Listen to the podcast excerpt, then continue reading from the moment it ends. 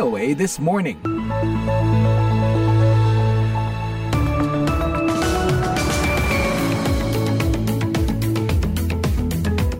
Pendengar, weekend lagi. Alangkah senangnya menyambut akhir pekan ya. Happy weekend dan juga akhir bulan Juni. Tadi kami menyambut seorang tamu pesepeda Zaki Wardana yang berhasil mencapai finish dalam lomba bersepeda Trans Am dari pantai barat hingga pantai timur Amerika yang ditempuh selama tiga minggu dengan cuaca yang jauh berbeda dengan Indonesia. Akhirnya ia mendapat nomor lima loh yang mencapai finish dan ia bangga membawa nama Indonesia.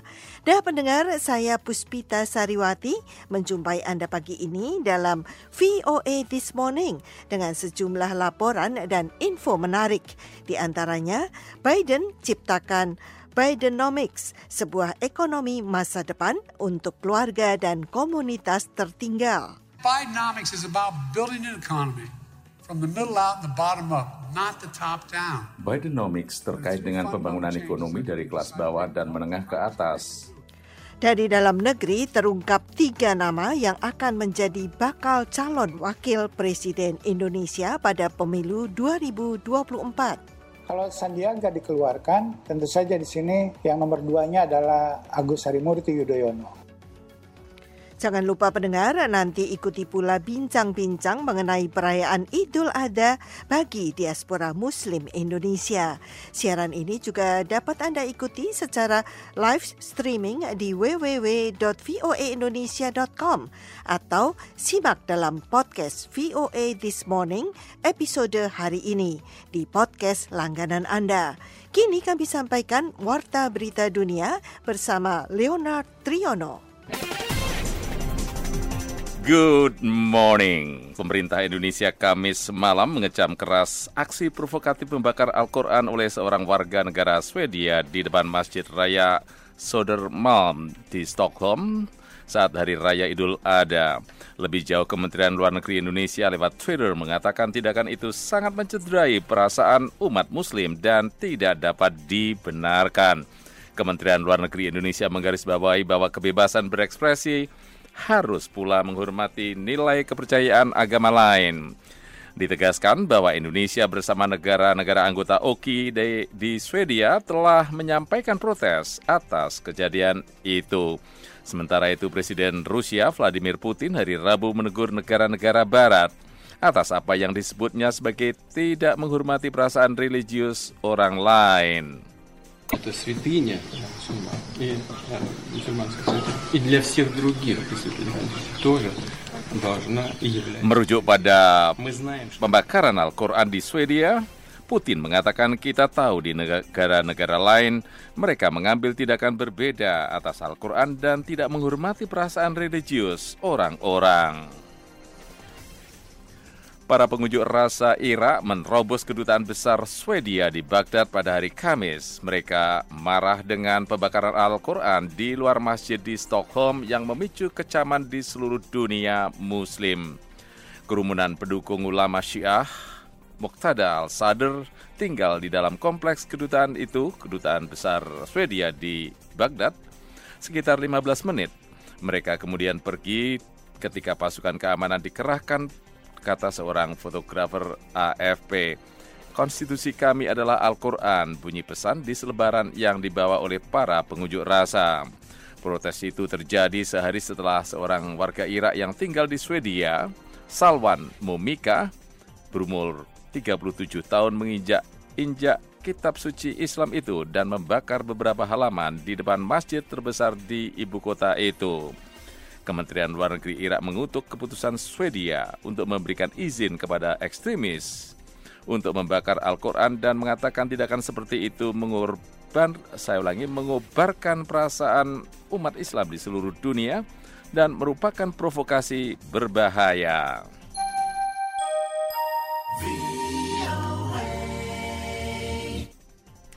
Negara-negara NATO telah sepakat untuk memperpanjang mandat Sekretaris Jenderal Jens Stoltenberg dan akan membuat pengumuman resmi minggu depan, kata para diplomat aliansi itu Kamis. Mantan Perdana Menteri Swedia Stoltenberg yang memimpin aliansi militer barat itu sejak 2014 telah memperpanjang masa jabatannya menjadi satu tahun hingga Oktober setelah invasi Rusia ke Ukraina pada Februari 2022. Beberapa diplomat NATO mengonfirmasi bahwa 31 negara anggotanya telah mencapai konsensus untuk memperpanjang masa jabatan Stoltenberg usia 64 tahun selama satu tahun lagi setelah aliansi itu mengalami kesulitan untuk menemukan pengganti yang cocok sebelum pertemuan puncak di Lituania dalam dua minggu. Duta Besar Amerika untuk NATO, Julian Smith, tidak mengonfirmasi kesepakatan apa pun kemungkinan perpanjangan Jen Stoltenberg adalah opsi yang dilihat oleh sekutu, kata Duta Besar Smith. Jaringan penyeludupan migran yang terungkap dalam penyelidikan lintas negara pada hari Rabu memberikan obat tidur kepada anak-anak untuk mencegah mereka membuat kegaduhan saat mereka dibawa dengan berjalan kaki pada malam hari melintasi perbatasan Kroasia, Slovenia, menurut pejabat Italia. Polisi di Trieste, Italia Timur telah mengidentifikasi 26 tersangka. Pendengar demikian Warta Dunia dari VOA, Washington DC.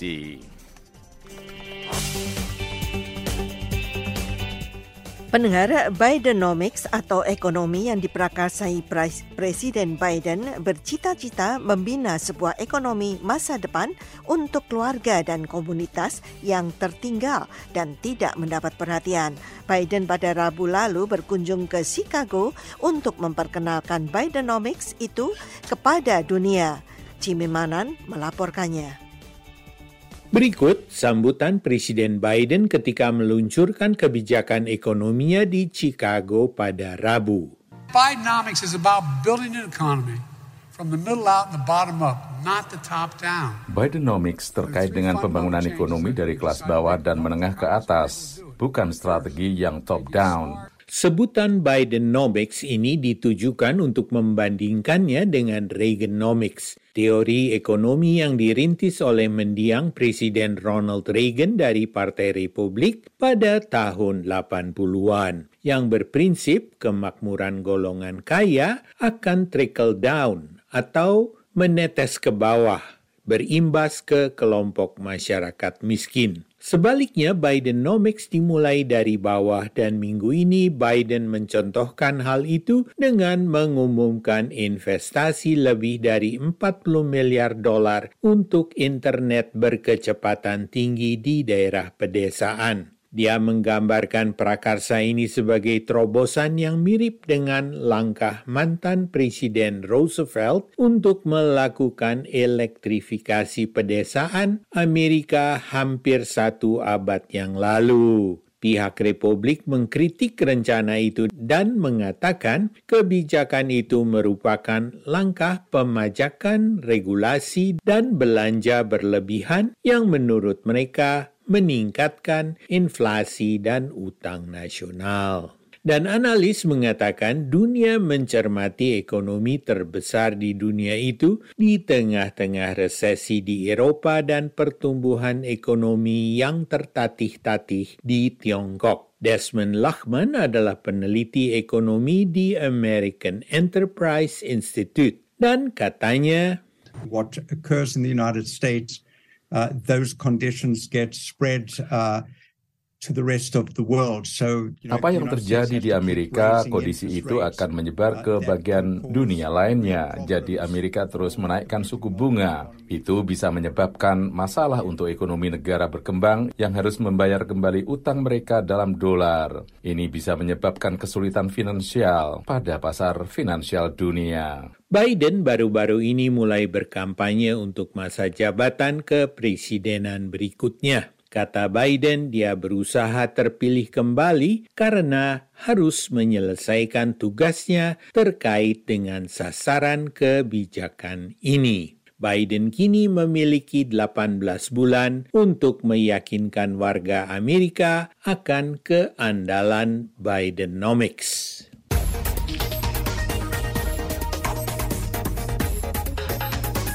UNESCO siap melangsungkan pemungutan suara atas rencana Amerika bergabung kembali dengan badan dunia itu. Amerika yang menyumbang 22 persen anggaran UNESCO mengundurkan diri setelah badan itu memasukkan Palestina sebagai negara anggota. Berikut laporannya. Pendengar Badan PBB Urusan Pendidikan, Sains, dan Kebudayaan UNESCO hari Kamis melangsungkan pertemuan dua hari di Paris untuk memberikan suara pada rencana Amerika bergabung kembali dalam badan itu. Ada 193 negara yang akan memberikan suara mereka. Amerika dan Israel berhenti membiayai UNESCO setelah Badan Dunia itu memasukkan Palestina sebagai negara anggota pada tahun 2011. Pemerintahan Trump pada Oktober 2017 memutuskan menarik diri dan hampir satu tahun kemudian, tepatnya pada Juni 2018, Amerika secara resmi keluar dari UNESCO. Alasan utama yang dikemukakan pemerintahan Trump ketika itu karena badan itu dinilai bias anti-Israel dan masalah manajemen. Namun pada awal Juni ini Amerika mengumumkan ingin bergabung kembali dengan UNESCO. Kepala UNESCO Audrey Azoulay mengatakan, The United States of America Amerika Serikat telah menyusun rencana yang jelas dan memberi komitmen pada kewajiban iurannya. Rencana Amerika ini akan memberi manfaat pada organisasi ini. Rencana Amerika ini mencakup pembayaran iuran mulai sejak bergabung kembali. Demi kepentingan UNESCO, langkah ini sedianya diambil sesegera mungkin dalam jangka waktu yang telah ditentukan sehingga mereka dapat memberikan kontribusi untuk enam bulan ke depan. Beberapa pejabat Amerika mengatakan keputusan itu didorong oleh keprihatinan bahwa Tiongkok akan mengisi celah yang ditinggalkan Amerika dalam pembuatan berbagai kebijakan UNESCO terutama dalam menetapkan standar kecerdasan buatan dan pendidikan teknologi di seluruh dunia.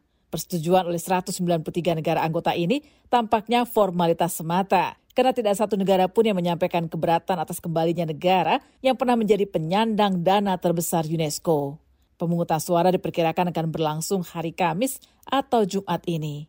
Presiden Konferensi Umum UNESCO Santiago Iraza Balmuro mengatakan, I believe we all agree that we are living.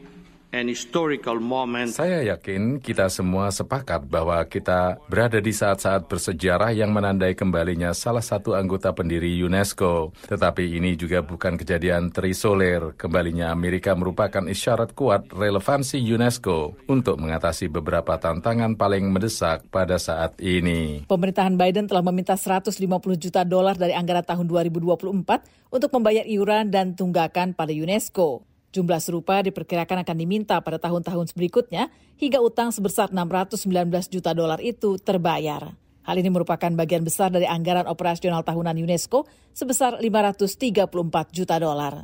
Sebelum keluar dari UNESCO, Amerika menyumbang 22 persen dari seluruh anggaran badan itu. Demikian laporan tim VOA. Pendengar, Syaiful Mujani Research and Consulting atau SMRC menyebut tiga nama yang kompetitif menjadi bakal calon wakil presiden pada pemilu 2024, yaitu Agus Harimurti Yudhoyono atau AHY, Erick Thohir, dan Sandiaga Uno. Pendiri SMRC Saiful Mujani mengatakan, ada 11 nama tokoh yang kompetitif menjadi bakal calon wakil presiden atau baca wapres untuk mendampingi tiga nama bakal calon presiden pada pemilu 2024. Namun hanya ada tiga nama yang memiliki dukungan kuat dari publik sebagai baca wapres, yaitu Agus Harimurti Yudhoyono atau AHY, Erick Thohir, dan Sandiaga Uno. Hal ini terlihat dari survei SMRC yang melibatkan 1.200-an responden pada 30 April hingga 7 Mei 2023 dengan tingkat kesalahan kurang lebih 3,1 persen. Kalau Sandiaga dikeluarkan, tentu saja di sini yang nomor duanya adalah Agus Harimurti Yudhoyono. Dengan selisih yang cukup jauh dengan Erick Thohir, Mahfud MD, dan seterusnya. Untuk kandidat Anies Baswedan, Saiful menyebut AHY memiliki dukungan lebih besar, yakni 16,7 persen terpaut jauh dengan nama-nama tokoh lainnya.